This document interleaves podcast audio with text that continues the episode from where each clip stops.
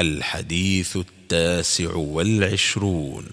عن عائشة رضي الله عنها قالت كنت أحب أن أدخل البيت فأصلي فيه فأخذ رسول الله صلى الله عليه وسلم بيدي فأدخلني الحجر وقال صلي في الحجر إن أردت دخول البيت فإنما هو قطعة من البيت ولكن قومك استقصروه حين بنوا الكعبة فأخرجوه من البيت.